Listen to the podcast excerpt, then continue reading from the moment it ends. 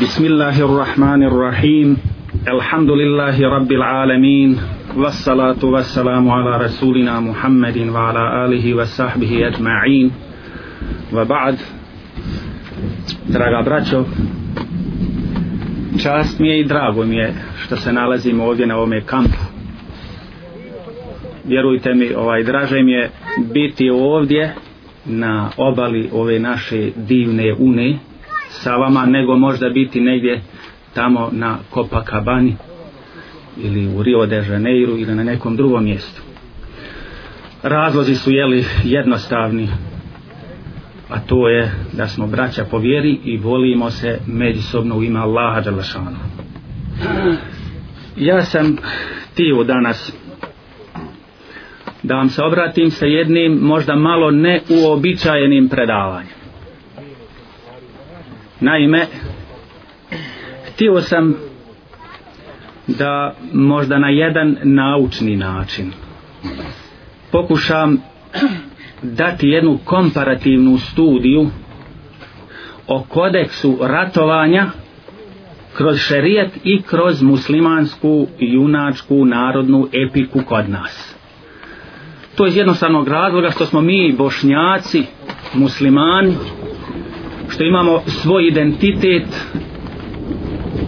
što smo dakle bošnjaci na ovim prostorima jedan autohtoni muslimanski narod dakle imamo svoju tradiciju imamo svoje korijene i imamo se uvijek naravno uz islam čime ponositi islamska doktrina misija islama I prva riječ sa kojom počinje objava Islama, kao što svi znamo, bila je uči. Od tog najjačeg, najsnažnijeg, najkompletnijeg doktrinarnog pokliča, koji se ikada čuo u povijest ljudskog roda, upućenog jednom nepismenom poslaniku, do njegovog doživljavanja vrhunca kao najjače svjetske sile, pa do padova, pa dizanja, pa oporavaka, zatim ustrojavanja sekularnih sistema, pa preko njihovog ideološkog i praktičnog poraza, dakle raspada Rusije i tog sistema, te zaustavljanja sekularnih tendencija 70-ih godina sada već prošlog vijeka i ponovnog interesa za islam u muslimanskim društvima islamskog ummeta dakle kroz sve to šerijat je prošao kroz jedan divergentan i različit evolutivni put ovo evolutivni put mislim u praktičnom smislu, dakle u primjeni. Na kraju tog svog historijskog puta, uzevši u obzir naše krajeve, dakle područje Balkana, Bosne i tako dalje, naravno, šerijet je redigovan u domen lične primjene i prakse ili sociološki gledano, u sistem etičkih, religioznih normi i pravnih običaja. Ali ako si upitao i ole obrazovan, obrazovanog muslimana, makar mejterski obrazovanog muslimana i ome ranijem periodu, možemo samo da reći na kraju ove evolutivne prakse šerijeta, ako se ga upitao de nam reci šta je islam taj najobičniji mejterski obrazovan čovjek reći će da je to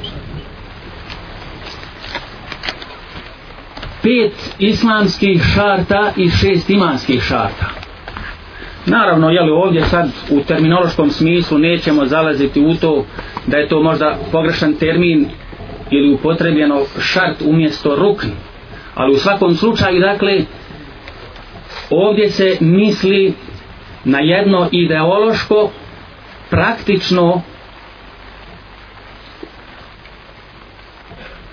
definiranje islama od jednog običnog mejterski obrazovanog muslimana taj krug historijskog hoda šerijata iako je u svojoj praktičnoj primjeni imao odstupanja i razne devijacije, ipak je u sebi uvijek nosio i krio klicu ili ako ćemo se izraziti sad sa ovim novim nekakvim izrazima, nosio je čip iz kojeg se ponovo mogao reafirmirati i ponovo mogao uspostaviti samo je trebalo da dođe do onih koji će te klice razvijeti, koji će te klice okopavati, koji će te klice, ako Bog da inša Allah, uzgajati, a to smo, jeli, mi, ako Bog da inša Allah, ta'ala. U našem bošnjevskom miljevu, dakle u našem bošnjevskom društvu, šerijat se često poisto vječije samo sa tradicijom i običajima. Dakle, sa običajno sakralnom praksom hanefijskog mezeva ili onoga što je ostalo od tog mezeva. Dakle, poistovjećuje se sa njegovom u krajnjoj konsekvenci evoluirajućom praksom čime se naravno devalvira njegova autentičnost jer šerijet ima svoje glavne pa i sporedne šerijetske izvore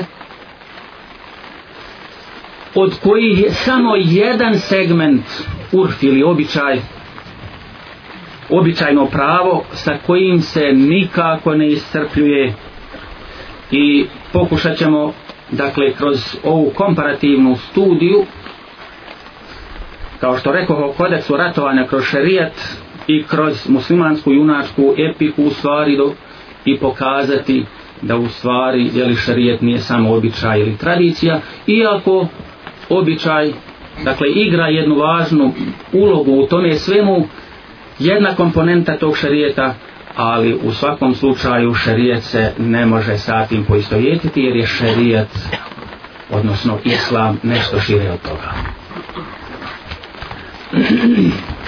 vjerovjesnik ili Allaho poslanik sallallahu alaihi wa sallam započeo je sa misijom islama u Mekki pozivajući u vjeru mudro i lijepim savjetom kako kaže Kur'an. U početnom mekanskom periodu objave borba ili džihad nije propisana kao vid zaštite nove ideologije i odgovor na silu koja je primjenjivana protiv nje i njenih sledbenika. Tekstovi Kur'ana koji su dolazili u tom prvom ranom periodu objavljivanja sadržavali su uputu o lijepom ponašanju o lijepom postupku o praštanju o podsjećanju na proživljenje ti tekstovi bili su u vidu snažne moralne podrške s preporukom strpljivosti i mirovnih inicijativa.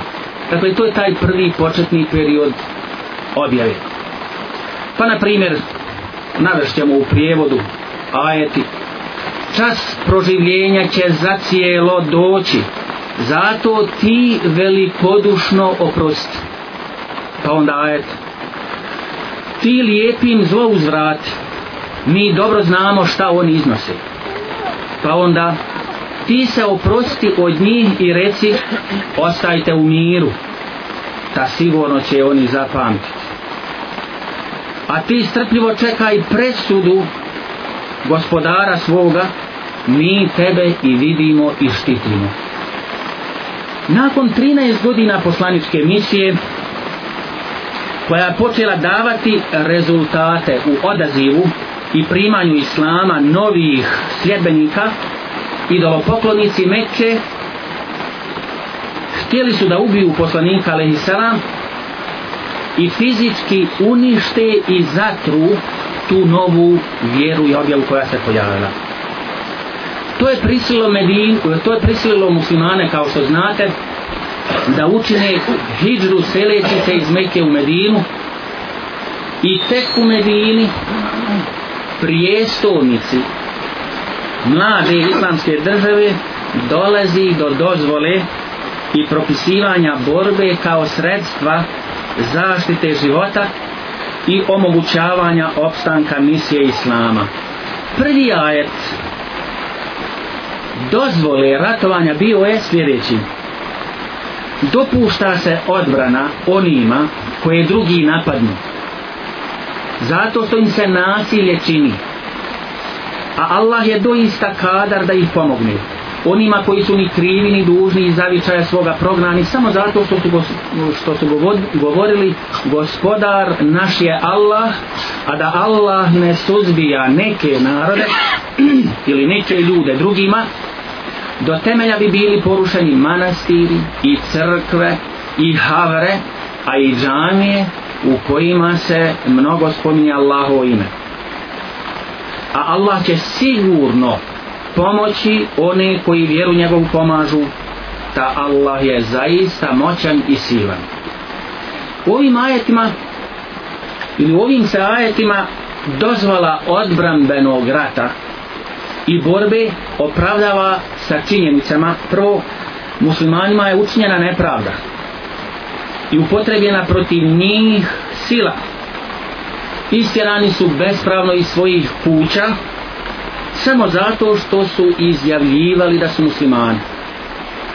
I drugo, na dakle, to ono što se razumije iz ovoga ajeta, iz ove kuranske norme, da Allah nije dozvolio odbranu, bili bi porušeni svi sakralni objekti različitih objavljenih religija, a time, jeli, i džamije, jel? Ja.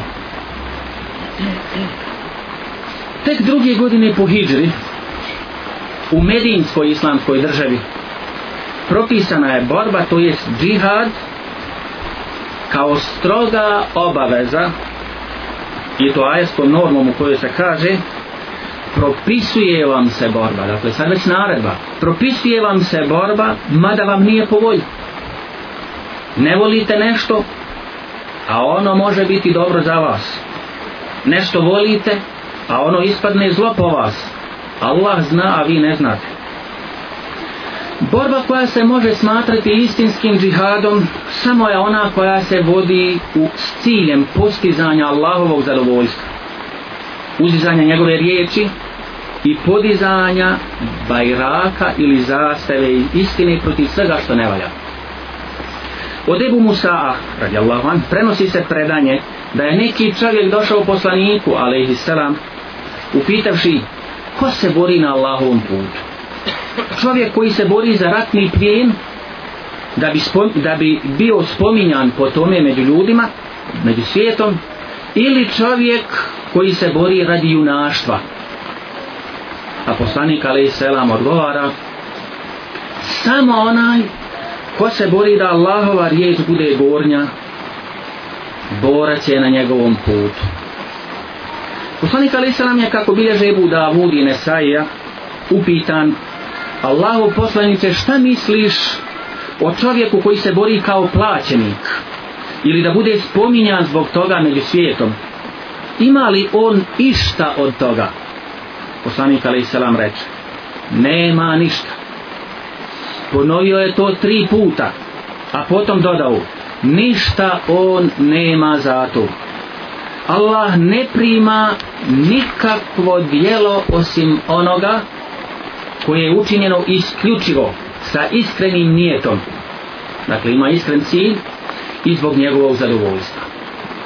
Ako nije cilj i namjera borbe bude sa bilo kakvom primjesom ovo dunjalučkih koristi, onda se ne naziva džihad. Onaj ko se bori za položaj, ratni plijen, da pokaže junaštvo i snagu, da postane poznat i obljubljen kod ljudi, nema nagradu džihada. Naprotiv, toga može kandidirati još i za eshatološku, ono svjetsku kaznu. Ebu Hureyre radijallahu anhu kazuje prenanje, čuo sam poslanika alaihi selam kada kaže prvi koji će imati eshatološki obračun na sudnjem danu je čovjek koji pogine u borbi bit će doveden na sudnjem danu pa će mu se spomenuti blagodati koje će on potvrditi zatim će mu se postaviti pitanje šta si ti revanširajući se na sve ovo činio reći će borio sam se u tvoje ime dok nisam poginuo bit će mu rečeno lažeš borio se da reču junak i tako je rečeno. Zatim će biti naređeno da bude bačen na glavačke u džehennemsku vatru.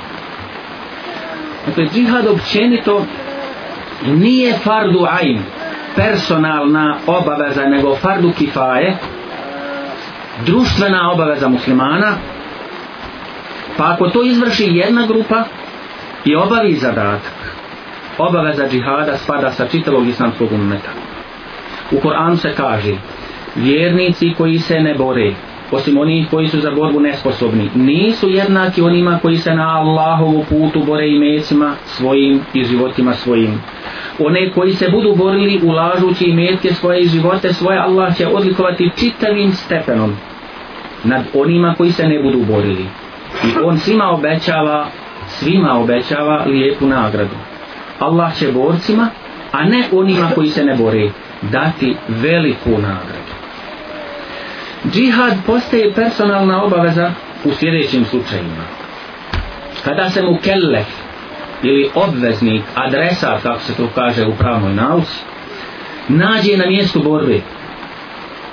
I drugo, kada neprijatelj dođe u neko muslimansko mjesto ili pokrajinu, eh, onda su svi muslimani tog mjesta dužni pružiti otpor i to je personalna obaveza onda svakog od njih. I treće, vojni obveznici koje vlast odredi da su za vojnu službu. Džihad se jeli naravno broji najvećim dobročinstvom, to nam je svima poznato. Kaže se, Allah je od vjernika kupio živote njihove i metke njihove u zamjenu za džennet koji će im dati.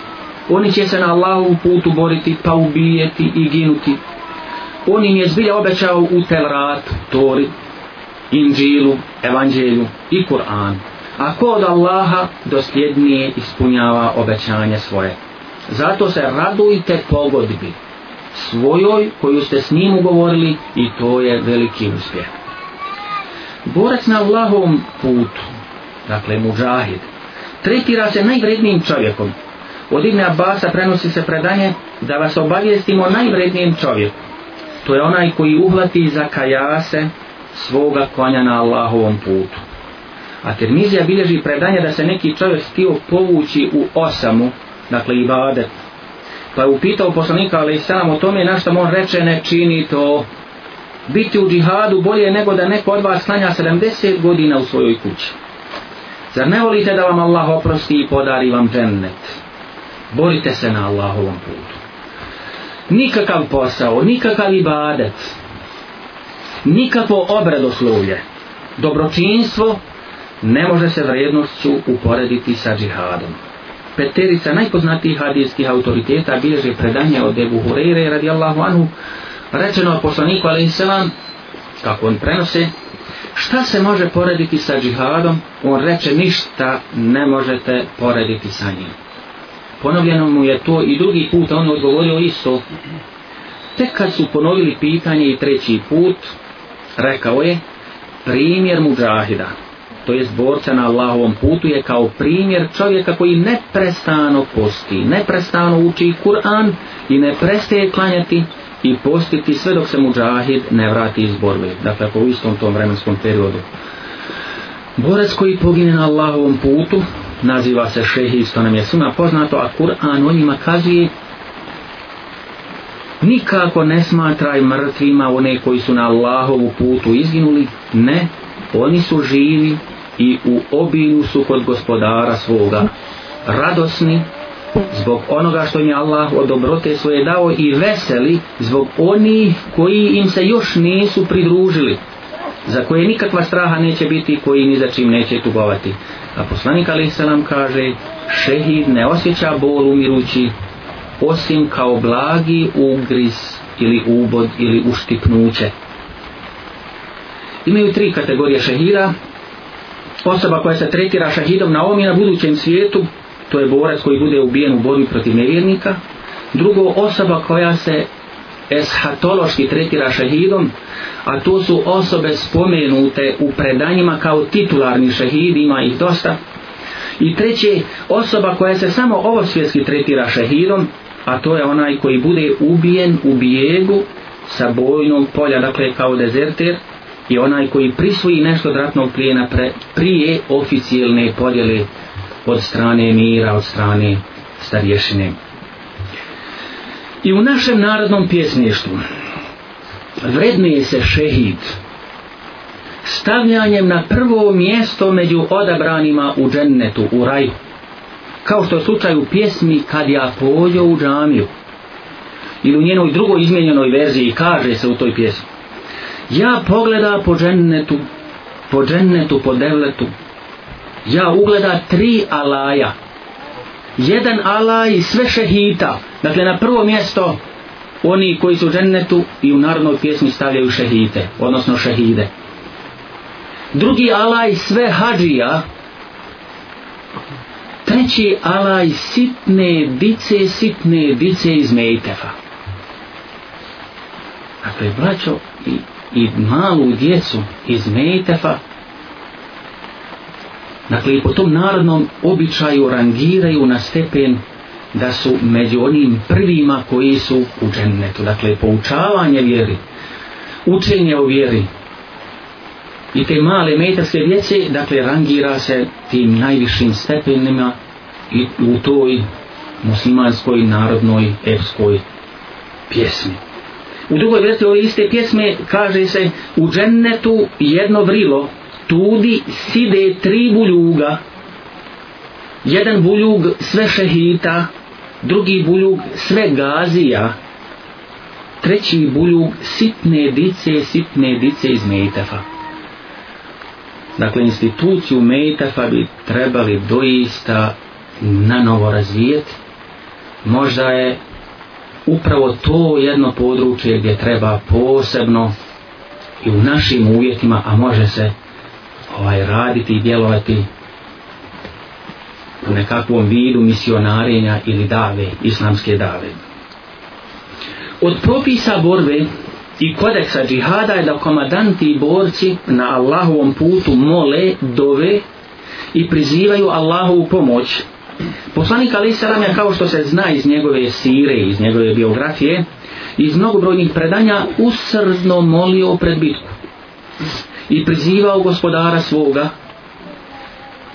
dakle Allaha Đalešanu da pomogne i da da pobjedu u Kur'anu se kaže i kada ste se od gospodara i kada ste od gospodara svoga pomoć zatražili on vam se odazvao poslaću vam u pomoć hiljadu meleka koji će jedni za drugima dolaziti ovaj ajet je objavljen kao odgovor na dovu poslanika, ali selam pred bitku na bedru kad je molio gospodaru moj ispuni obećanje koje si mi dao gospodaru molim te ti nam pomozi, mi čvrsto vjerujemo u tvoju riječ gospodaru moj ako strada ova skupina ljudi danas nećete drugi vjerovati gospodaru moj od danas možeš učiniti da te nikad više niko ne vjeruje dakle ako ne pomogneš ovu grupu, ako ona ode, bude pobijena, dakle time možeš učiniti da više ne budeš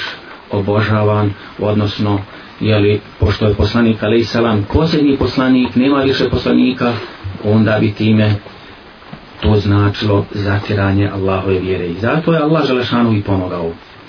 U muslimanskoj, u našoj muslimanskoj narodnoj junačkoj epici, koja govori o borbi, o mejdanima i vojnim pohodima, nalazimo različite motive dove, molbe Allahu Đalešanu, prizivanje njegovog imena, molbe za pomoć i sreću junaka ili junaku, sinu, mejdanđi i tako dalje. Poslanik Ali Salam je dobio u korist starješina vojske također, kada bi slao u vojnu, krenite s Allahovim imenom, neka je Allah sa vama, kao što bilježi Ebu Davud u jednom predanju. U pjesmi Đulić Bajraktar, Mustajbegov u senju, Mustajbeg traži od svoje vojske, a i sam dovi za Božju pomoć Đuliću Bajraktaru koji uzastop se učestvuje u osam mejdana. Prvo jedan, pa drugi, pa treći, pa osmi. Dovu čini sa goluba lika Bog pomozi Đulić i Đogatu, već za Boga i za dovu Turci. On to čini kad ispraća Halila na neprepetsku teritoriju, što je motiv pjesme Halil i Bunića Janja, jeli Halil Hrnica. Njemu reče Beg Mustaj Beg Lički, hajd Halile, u sto dobrih časa, sve ti dobri na put izlazili, a zliti se s puta uklanjali, džogatu ti pod nogama bili, kano ploše u džogata tvoga, Bog ti milo na pomoći bio.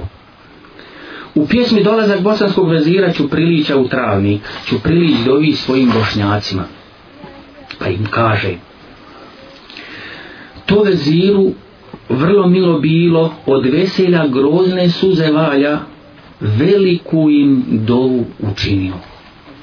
U pjesmu opet Halil Hrničić izbavlja Omerbega i djecu mu, Mujo, njegov brat Hrnica, čini do ovu bratu Halilu pa kaže Zbogom pošao moj brate Halile, dušmani ti pod nogama bili, kod jogatu plače sve četiri i još više 32 klinca. A posebno je vrijedna dova majke koja se oprašta sa sinom Mejdanđijom, što je motiv pjesme Halil dijeli Mejdan s banom od Zaralja. Svojoj majici grlo poljubio mati moja Halilovo mlijeko, ja Halila vidjet, jel ne vidjet, hajd Halile u sto dobrih časa, dušmani ti pod nogama bili, sve ti sreća na put izlazila, a nesreća po putom odila. U pjesmi Kad slavuji tići zapjevaše, dola majke je stimulans, stimulans, i oslonac koji daje samopouzdanje, posebno samopouzdanje junaku, da će pobjediti. Ne bojim se Stevan Harambaše, na meni je dola materina, kaže se u pjesmu. A u pjesmi Čengi Čalibed i Biserka Šćerka Zadarskog bana, oslobođeno roblje, revanšira se svome oslobodiocu junaku Mejdanđi i muslimanskom dovom, pa kažu sad da vidiš 12 sužanja kad Omeru poletješe ruci Bogom brate Babahmetoviću de nam kaži naše dugovanje pa nas pusti da kući idemo da prosimo tebi donosimo tad im Omer reče u Adeji braćo pareni dinara neću svakom halal hajte domovini dovu čini 12 sužanja blago njemu sve do vijeka pusta Ebu Davud bilježi da je poslanik A.S. rekao Dova se uslišava u dva slučaja Nakon ezana i u borbi kada se izmjenjuju udarci sablji.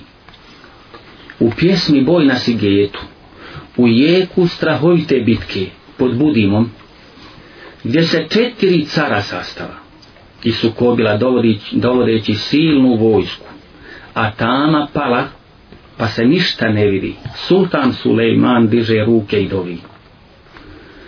Sva se sila pod budim je zbila, mili Bože nemila sastanka. Četiri se cara sastanula, Tatar, Hane i Bečki Česare, car Stambolski i kralj Moskovski, ala banda zametnu se kavga, pobiše se Turci i Kauri.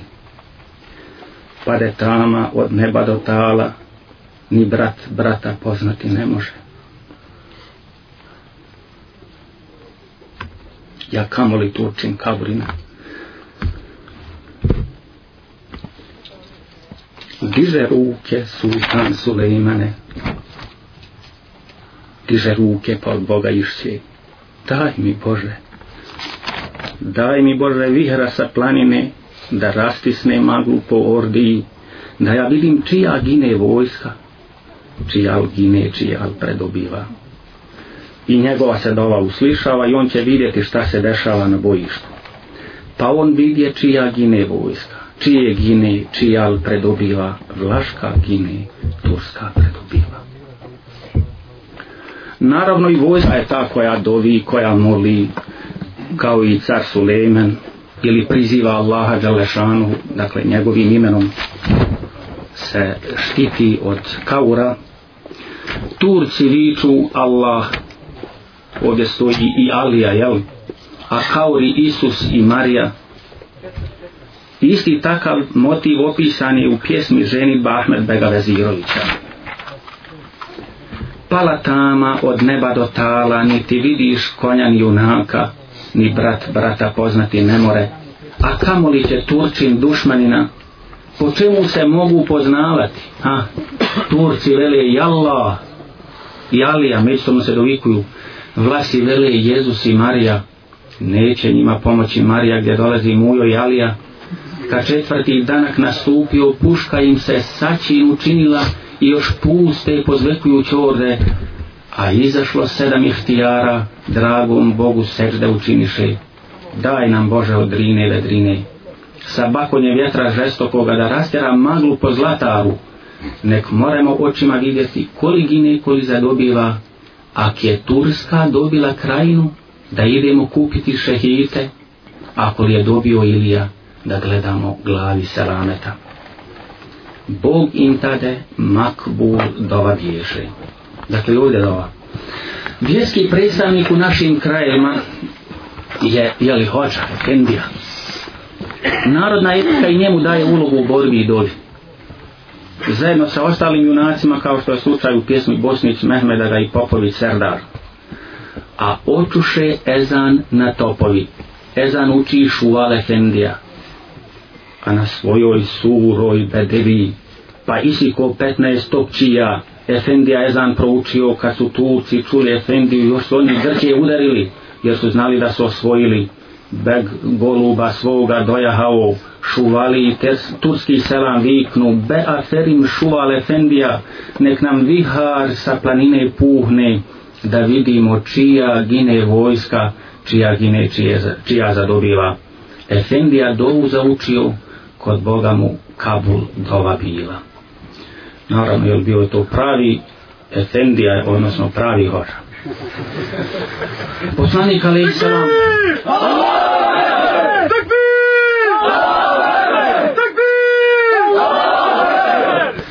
Poslanik Ali Selam podizao je borbeni duh i stimulirao ashabe na borbu između ostalog obavještenjem o ženeckim prostranstvima koja su kao nebesa i zemlja koja će naravno nasanjivati šahidi ko drugi a što se spominje u nekim ajetima kada je to spomenuo u bici na Bedru, neposredno pred samu bitku, Mir bin El Hammam pita ga sa čudjenjem o tomu. Dakle, pita ga kako to, kako može biti tolika širina dženecka, širina nebesa i zemlje u kojima će biti šehidi. Pa poslanik Ali Salam obećava da će on biti stanovnik tog prostranstva, stanovnik dženeta, a on jedući datule koje je vadio iz džepa odjednom prekida govoreći predugo bi bilo da živim čekajući da pojedem ovu datulu i ove datule, to je čekajući na ulazak u džennet. Potom se dao u borbu i bio prvi šehitu. I u muslimanskoj narodnoj epici nailazimo na, na motive posticanja i stimuliranja na borbu motivima je satološkog uživanja, spominjanjem dženneta, hurija i lakanja, i lakanje to je izgovor šehadeta spominjanjem Allahovog imena i slično. U pjesmi ženitba Ahmed Bega Vezirovića Mumina ga podstiče vojsku na juriš spominjanjem hurija koje se međusobno natjecu kojoj će pripasti neko šehira. Tad zavika aga mumin aga juriš braćo moja družbo draga džennetu se otvoriše vrata blago onom svakome junaku koji pogine danas na Mejdanu poletješen iz polje hurje, one lite i agnitiše hite, a kad čuše age krajišnici i laknuše, Boga spomenuše, pa na vlaške glide udariše. Sličan motiv opisan je u pjesmi Bosnić, Mehmedaga i Popović Serda. Mustajbeg lički stimulira na borbu buđenjem viteškog ponosa, ali i spominjanjem dženneta, hurija i otvorenim džennetskim vratima kroz koja treba da prođu šahid.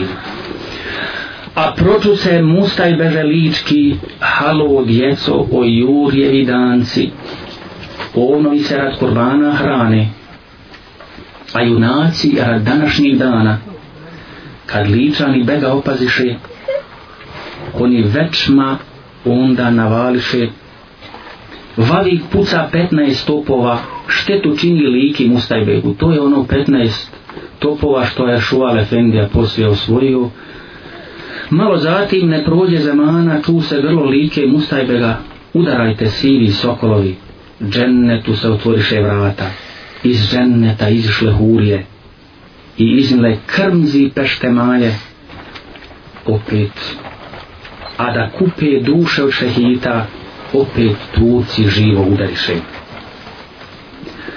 Džennet i Hurije su dva eshatološka stimulansa čiji opis u vjerskim izvorima, posebno u hadijskim zbirkama, zauzimaju tomove, tomove knjiga. Daleko bi nas odalo, kada bi samo navodili pod naslove u hadijskim zbirkama, koje su sakupile i klasificirale ovu tematiku, ovu materiju.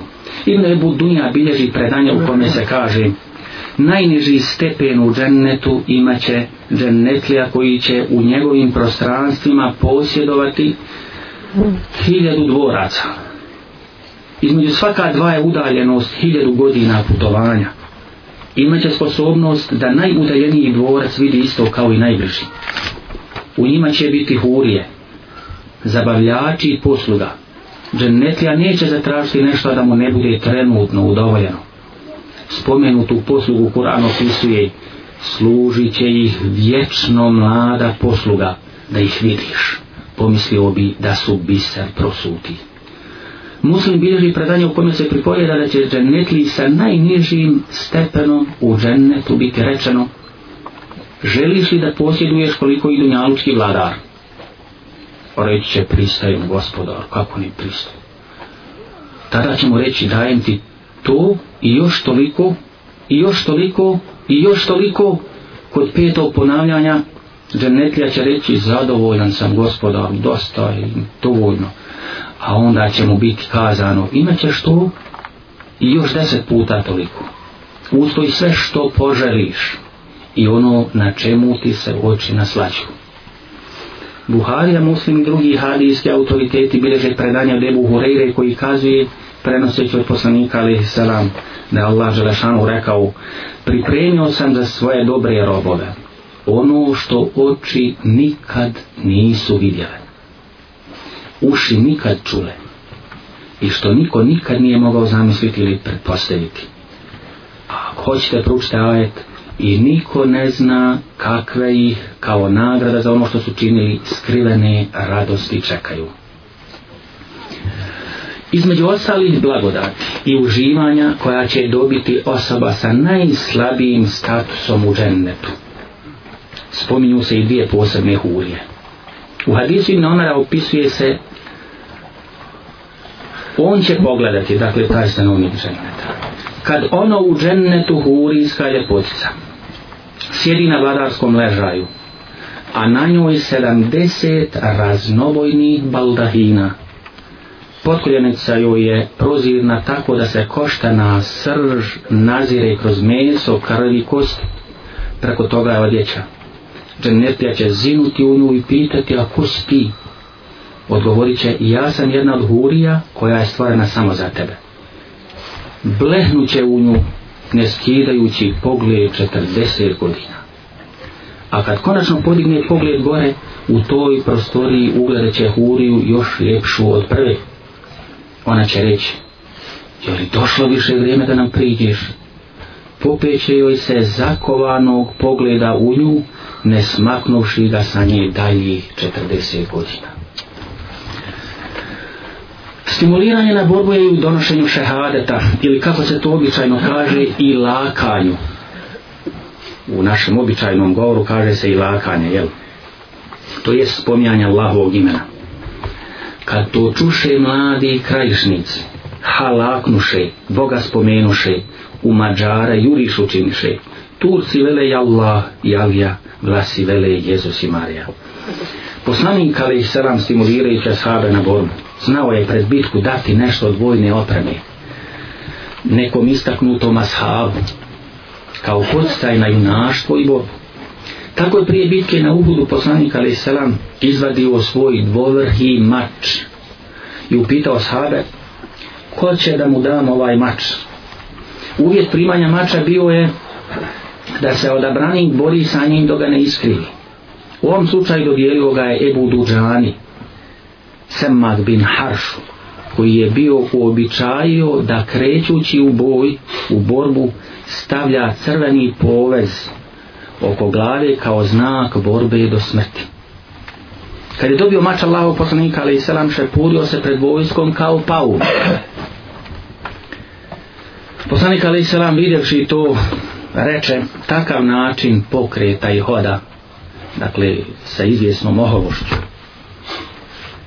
pred vojskom i tako dalje Allah Želešanhu ne voli osim u ovakvoj prilici Zubeir sestri iz poslanikovog alaihi selam oca bio jedan od kandidata za poslanikov mač pa ne osvojivši ga jer ga je dobio Ebu Duđane jel? odluči se zaputiti za Ebu Duđanom da vidi zbog čega je baš on zaslužio i zbog čega je njemu dao taj mač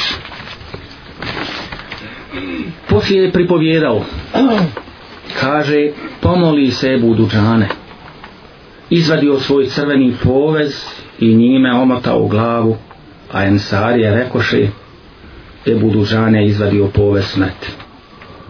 U bitku uđe kličući stihove koje je spjevao ponesen čašću dobivenog mača od poslanika Alisela.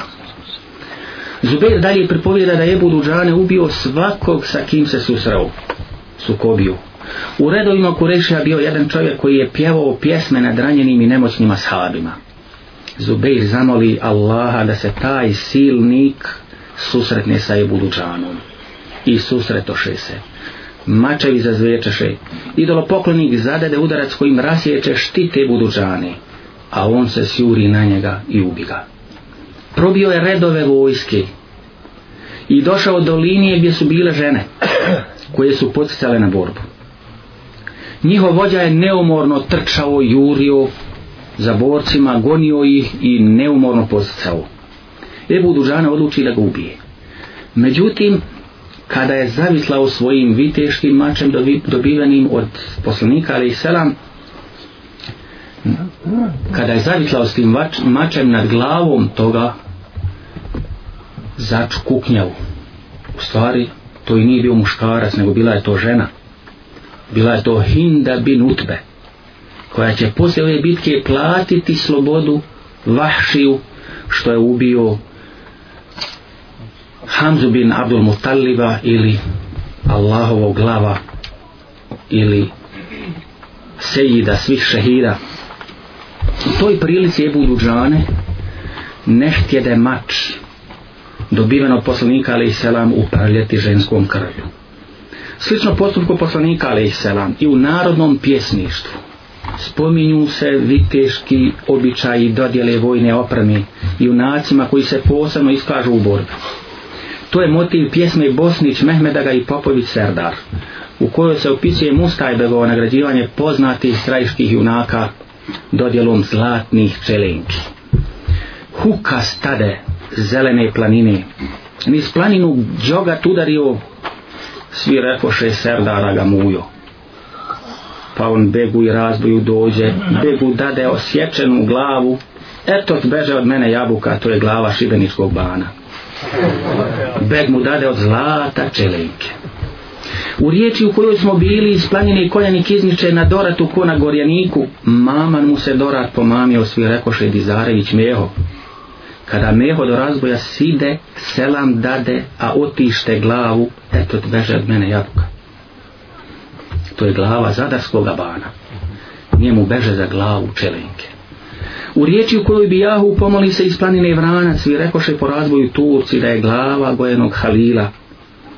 Dokle Halil od razboja side selam dade otište glavu, eto tlika od mene jabuka, to je glava oršanskog abana. I tom lika zadio čelenke.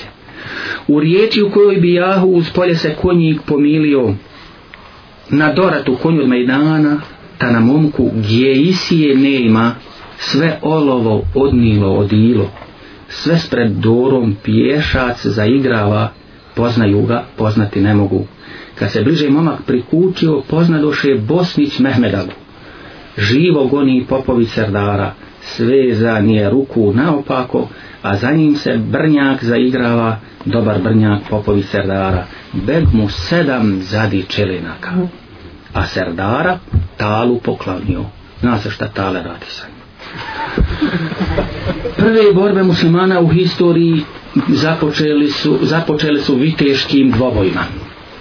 Prva, najpoznatija, najslavnija i u Kur'anu opisana bitka na Betru počela je dvobojem Hamze radijallahu an, Allahu glava i prvaka svih šehida sa El Esved El Mahzumijem Hamza ga je pobjedio a onda su na dvoboj istovremeno istupila trojica najpoznatiji junaka iz porodice plemena Kurejš bili sto Utbe bin Rebija sa sinom El Velidom i bratom Šejbetom oni odbiše da se bore sa trojicom Ensarija koji su bili istupili E, iz razloga kažu to su partneri koji nama nisu dostojni, koji nisu na našem rangu. I tražili su da to bude u aristokratski prvaci iz plemena Kurejš, kao što su i oni sami. I poslanik Ali Selam onda suprostavlja ovoj trojici, trojicu najvrednijih plemića Kurejša, ravne ovima koji su ih izabrali po svemu bili sto Hamza, Alija i Ebu Ubejde bin El Haris, na šta su ovi e, poslije toga pristali. Ebu Ubejde je bio najstariji učesnik dvoboja, kao što znate, iz Sire. I u sukobu sa Utbom izgubi nogu, ali on izranjava Utbu. Hamza na brzinu pogubi Šejbu, a Alija, radijallahu an, El Velida, a onda priskoče u pomoć Ebu Ubejvi kidisaše na utbu i ubiše i njega onda su uzeli Ebu Ubejdu i unijeli u tabor muslimana poslije čega je on jeli nakon šest dana preselio ne progovorivši više ni riječ dakle to su bili ti prvi dani opisani u Siri dakle a to je bila jedna od najpoznatijih bitaka prvih bitaka muslimana sa Kureševićima. Muslimanska narodna epika prepuna je motiva u kojima su faktografskim detaljisanjima i upisanjima u opisima prikazani junaci, prikazani njihovi konji, njihovo oružje, njihova vojnička oprema i sl. Mnoge pjesme inspirisane su i posvećene mejdanima poznatih junaka, kao što je pjesma Halil dijeli mejdan, Sabanom od Zadarja. Kosta Herman navodi, vi ste vjerovatno čuli za Kostu Hermana, jedan od prvih najpoznatijih sakupljača, jako ne musliman, ne musliman, prvi najpoznatiji sakupljača narodnih umotvorina na ovim prostorima. Kosta Herman. On piše, zapisao je, Junački mejdanima većinom je povod žena i obraz. Međutim, prije ovoga on konstatira. U junačkim pjesnama vidiš kako naša muhamedovska braća svoju vjeru prigrliše svom vatrom i ne znaju uzvišenije svrhe životu svome, nego umrijeti za cara i za svoj din. Kad u boju hođa prouči džulbent dovu, te još pridoda, džennetu se otvoriše vrata, izađuše džennetske hurje, svak srće u boj i ne želi biti šehid, ako mu nije suđeno da bude gazija. Kao što je primijetio Herman, impozantan je, gotovo ljudski nenadmašan tip i lik muslimanskog epskog junaka koji je opisan i tipiziran sa aspekta majke, koja građa, hrani, odgaja, ali želi da bude muško u pravom značenju te riječi. Spreman da bude i una koja će neprijatelji mačevima dijeliti na komade to može da bude samo rezultat nepoljuljanog, konačno definitivnog vjerskog ubjeđenja. Dakle, ništa drugo ne može tako pokloniti svoje dijete, da ga dijele mačevima nego istinski iman, istinsko vjersko ubjeđenje. Evo kako se majka, dakle u toj narodnoj epici, oprašta od svoga sina jedinka, bez suza i sažaljenja, tonom koji ne trpi kukavičuk, šaljući ga samog i ispraćajući u vojnu potjeru za vojskom od 12.000 vojnika koji upadoše na muslimanski teritorij ubijajući, robeći, paleći tražeći od tog svog sina opipljive dokaze junaštva rane ili pogibiju a što je motiv pjesme čusto i časmen moj osmene u mene jedini hajde sine, hajer li ti bilo? Ako sine do matere dođeš, jel bez rane, jel bez vlaške glave, jel bez lijepe mađarske djevojke, vidi to. Tebe imam ja jedinog sina, a i tebe poželjela majka. Moj osmene, prije današnjeg dana. Čuj osmene, drago djete moje. Kad sam bila u ribniku bijelom u svog brata Alevjer iz Dara, pa sam pošla za tvoga roditelja za baba ti Omer Čustovića, Nijesam pošla, drago dijete moje, pored mala, ni pored rada, ni pored šta već izim junaštva, jer je junak bio na Mejdanu, gdje mač sjeva i polijeću u glave, oba o njem drmala kotara, a zborila serhat i krajina, pa osmene, u mene jedini. Kad je tebe porodila majka, ja sam rekla da si muška glava, pa te muškim pasom opasala i sa čistim lijekom zadojila da te nijemci na mačeve dijeli.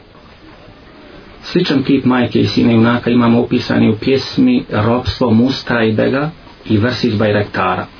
Jalla reče, sjede na zekana, okreće se desna na lijevo kad mu stoji na vratima majka, on do majke dotjera zekana, pa se savin iz konja zekana majku svoju u prsa poljubi.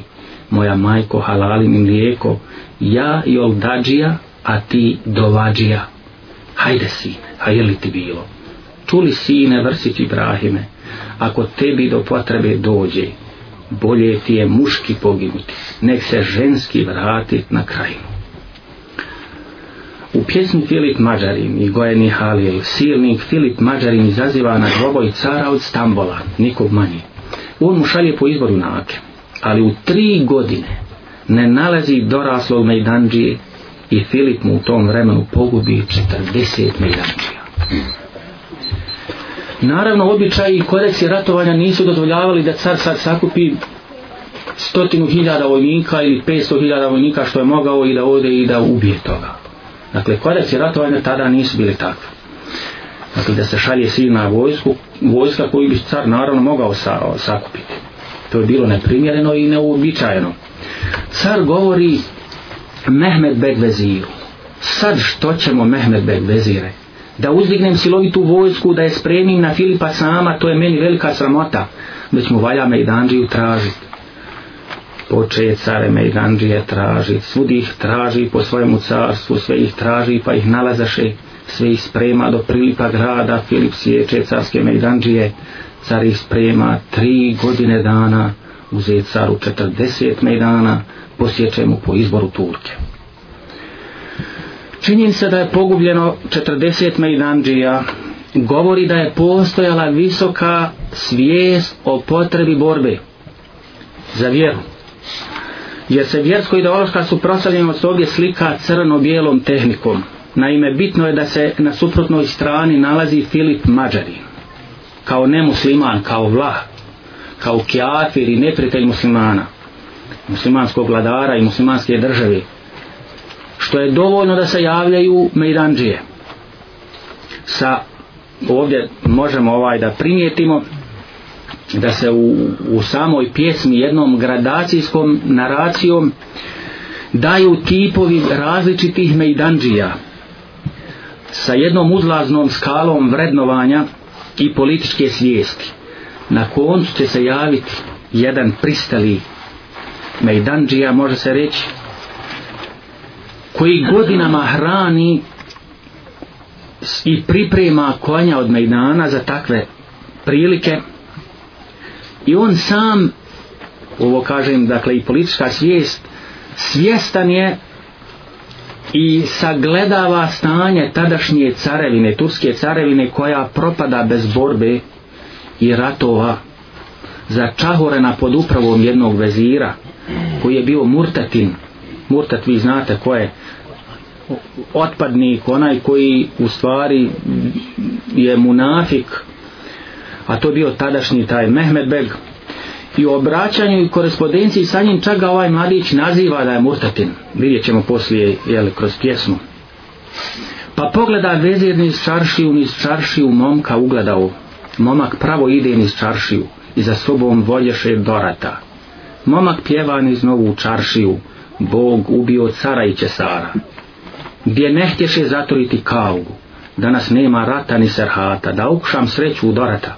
Evo danas 12 godina, otkako sam Doru nabavio, sve ga hranim u toplom podrumu, sve se kakvu ratovanju nadam, sada rata nikakvoga nema, već se puste zemlje umiriše, pa se momak bogom kunjaše, kad je torba zobi dukat bila, ja mu jesam zobi uzmicao, onda sam mu više primicao. Ispostavit će se da je to Hamza od Mirovca, kojega je rodila vlahinja u planini ovce čuvajući kako ga omahani vezir Mehmed Beg Murtatin koji je bio u stvaru dosluhu sa Filip Mađarinom koji ne želi da Filipu suprostavi nekoga koja je njemu dostojan, ravan, dorastao. Međutim, Hamza se i pored svoga porijekla ne da spriječiti od strane izdajničkog vezira, nego se diči pripadnošću turskom korpusu, u ovom slučaju jel, muslimanskoj vjeri i to ističe govoreći mu o vezire carski murtetine. Ako me je rodila vlahinja, beli me je rodila turčina, za cara ću na najdan izaći. Dakle, za cara, jel, misli se za, jel, za islam, za muslimane, tako dalje. Dakle, ovo je tip vjerskog mejdanđije, jer se pripadnost vjeri tretira pripadnošću turskom korpusu tada. Međutim, ni Hamza nije imao sreće kao ni njegovi prethodnici. Nu da vidiš jada iznenada. I Hamzu je Filip posjekao. Opet caru knjigu načinio sultan cara iza gore sunce i ovoga posjeko junaka čare nema prtlja iz Stambola. Jel izađi na mejdan junački. Eh, najzad će se povratiti u Stambol nakon 22 godine carske neopravdane nemilosti prema njemu jedan stari, mudri i pametni vezir Čuprilić za koga ste sigurno svi čuli hoda Čuprilja kojega je Mehmed Beg bio uspio opanjkati istisnuti protjerati pa će kao 90-godišnji starac sa neprocijenivim iskustvom i poznavanjem junaka i junačkih pokrajina u tadašnjoj osmanskoj carevini dakle znati iznaći rješenje za taj problem i doista on će to rješenje iznaći pozivom braće Hrnjice iz krajine da prihvate dvoboj sa Filip Mađarinom. Njih je Čuprilić uspio spasiti ranije od općeg pokoja junaka za koje se u jednom vremenskom periodu nesmrtreno bio odlučio car jer god čuo za junaka hajde skinite mu glavu međutim Čuprilić je ove uspio sačuvati donoseći glavu dvojice drugih junaka, braće također i pošto nisu poznavali Halila i Muju na dvoru i njihove glave, to je prošlo i hrnice su ostale u životu. E sad, u ovome momentu kada treba jedan takav, Najdanđija će prilice sjeća braće i on će ih jeli, i pozvati a sam vezir Čuprilić ima jedan roditeljski odnos sa poznatim junacima i postupa sa njima kao sa svojom djecom.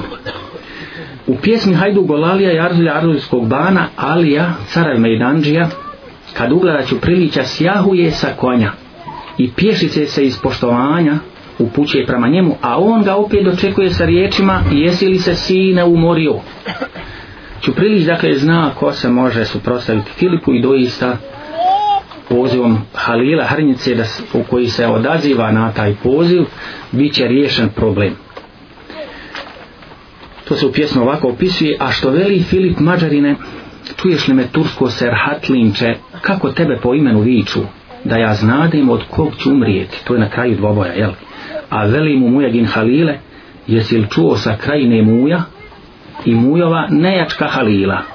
Ja sam glavo mujegin Halile, najgori sam od svih Turaka. To izreče pa sablju poteže pa Filipu osjeće glavo. Mi u tegli. To ti nastati. Ali smo se odne se možemo malo tegli. Onda ćemo nastaviti da pristrašimo. Završimo. Nastavit ćemo da privedemo kraj ako Bog neče. Ovo je uvod. Uvod još par stranica dvi, tri stranice inša Allah dakle junaštvo i neustrašivost u borbi kod muslimana proizilazi iz pomjerenosti sa sudbinom ali ne sa fatalizmom dakle nije po onome crnom smislu da se čovjek podredi sudbini pa da kaže da sjedne i kaže gotovo je sve da ti mene kuli ne nije u tome smislu jer, jer bi to značilo ostajati bez ikakve aktivnosti, bez ikakvog pokreta, bez ičega što sam čovjek proizvede od sebe. Kur'an kaže, a kad Allahov određeni čas dođe, zaista se neće neka znate odgoditi. Dakle, pomireno sa sudbinom izvire iz toga, u tom je smislu. Svaki narod ima svoj kraj i kad dođe njegov kraj, neće ga moći ni za tren jedan ni odložiti ni obrzati. Dakle, to su aksiomi koje poznaju muslimanski junaci i zato u narodnoj epici ima opisa motiva koji to potvrđuju. U ovom su smisli stihovi iz pjesme Đulić Bajraktar Mustajbegov u Zadru. Kada Đulić Bajraktar izranjavan, nakon uzastopnih osam dvoboja. Prvo ima jedan dvoboj, pa ga onda drugi brat od ovoga što ga je pogubio zove na dvoboj. Pa treći, pa četvrti, pa osam. Dakle, ne odustaje čak ni od devetog, u kojemu protivnik bježi i sakriva se u svoju vojsku, a on kreće za njim na čitavu vojsku. Dakle, sa ljudskog aspekta gledano, dakle, kreće u sigurnu smrt. Pomiren sa sudbinom i uvjerenju da bez Allahove odredbe umiranja nema, makar morao, dakle, sam da napadne čitavu vojsku oda vidiš konjevi crdara, gdje uteče, utjera kobilu, kraj šićara u logor udari. Za njim Đulić natjera džogata, a šićare bajra dočekaše i na bajra, oganj oboriše, bez eđela umiranja nema. Kraj šićara u logor udari, i kroz vojsku za njim. Sličan motiv je opisan u pjesmi Osman Čustović, kada Osman nakon sedam dvoboja, također izranjavan, ne odustaje da povrati zarobljenu zlatu, pa izaziva i osmog protivnika na dvoboj ili da prisnjedom povrati zarobljenu djevojku, muslimanku. Već on Marka viknu Vladušića, što se prima zlate pod mosorom, brže je zlatu, jel na mejdan hodi. I na logor natjera džogata. Svaga butun dočekala vojska, te na njega oganj oboriše i kad Bog ne da, ni eđela nema. Pokoda su ratovanja u šarijetu, Ebu Davud bilježi predanje da je poslanik ali i selam oporučivao vođama i starješinama vojske.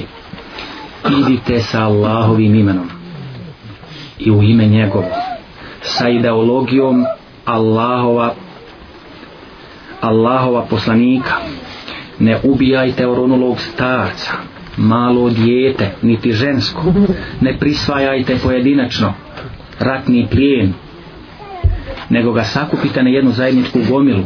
Mirite i činite dobro, jer Allah voli one koji čine dobro. U narodnom pjesništvu ženskom, ako se već mora napasti ili osujetiti da ne alarmira ili upozori druge neprijatelje, ona se ošamari ili ono kako kažu udari pleskom ili silu uzuši kako se u narodu kaže udari nogom i slično bez upotrebe oružja naravno da sad u kodeksu ratovanja je drugčije danas i žene u ovom tehnikom kojom upravljaju mogu biti opasni isto kao i muški danas je druga stvar jel? ali u narodnom pjesmi žensko dakle također pošto, je, pošto su bili ovakvi kodeksi kroz šarijet i običajno se založani zato je i taj kodeks vezan za žene i ratovanje žena ili postupak prema ženama u ratu dakle upravo oslonjen u narodnom pjesništvu ili narodnoj epici upravo na taj kodeks ratovanja pa ćemo vidjeti u pjesmi Bojeni Halil i deset hajduka. Halil tako uradi sa krčmaricom Maro, neće udariti jeli, sabljom nego nogom. Ona hoće da pozove pomoć, a on je na takav način sprečava. Halil sjede pred pjanu Mejhanu, ali se Komlen hvali u Mejhani, daj, daj posjeku Muja i Halila i pobra im od orašca tala. Onda Halil Mejhani na vrata, šta im lažeš crn te obraz bio. Evo sada Mujova Halila, dok mu sinu posjeklica kriva i posjeće sedam oficira, a komlena prihvati za kiku. Trže Halil tiftik iz njedara, pa komlenu izlakti o ruku, pa povuče komlen bajraktara i lijepu rudanovu meiru. Onda ciknu krčmarica Janja, hotijaše su dani trkat, a da, po, a da kaže poznaniku banu, a Halil je nogom udario, kako ju je lahko udario, tri puta se jadna prevrnu. da sabljane. Dobro, ipak smo ovdje, ako Bog da inša Allah, jedno završno. Ibu Bek radijallahu an, kada oporučuje Usami radijallahu an, šaljući ga na čelu vojske u Šam, kaže, kaže mu u tom svom svijetu, ne varajte i ne izdajite ne prisvajajte ratni plijen pojedinačno. Ne obmanjujte, ne masakrirajte. Ne ubijajte malodobno dijete, oronulog starca, niti ženu. Ne sjecite i ne spaljujte palme, niti drugo plodno drveće, dakle voće. Ne koljite ovce, krave ili deve osim za hranu. Dakle, ne uništavajte, ne uništavajte jeli, e, stočni fond. Susrašćete se sa ljudima koji su se posvetili asketizmu ostavite ih onome čemu se posvetili. A Omer radijallahu an piše Sad bin Ebi Vakasu, muslimanskom vojskovođi i njegovoj vojsovo ještavajući ih o kodeksu islamskog ratovanja i ovo, sa ovim bi završio. Doista je u tome velika mudrost što je Omer radijallahu an govorio o svojim borcima, odnosno muđahidima, muslimanima koji idu i njihovim vojskovođima koji idu u borbu. I ovako on kaže, sad bi ne biva kas, pišući mu. Naređujem tebi, i tvojim borcima da se držite Allahova takvaluka, bogobojaznost. I samo njega bojite u svim mogućim situacijama. Bogobojaznost je najbolja sprema protiv neprijatelja i najjače sredstvo u borbi. Naređuje vam, naređujem vam da se klonite griješenja više nego što se čuvate od neprijatelja. Ja se više bojim za vojsku od griješenja nego što se bojim za nju od neprijatelja jer Allah pomaže muslimane zbog griješenja Allahovih neprijatelja.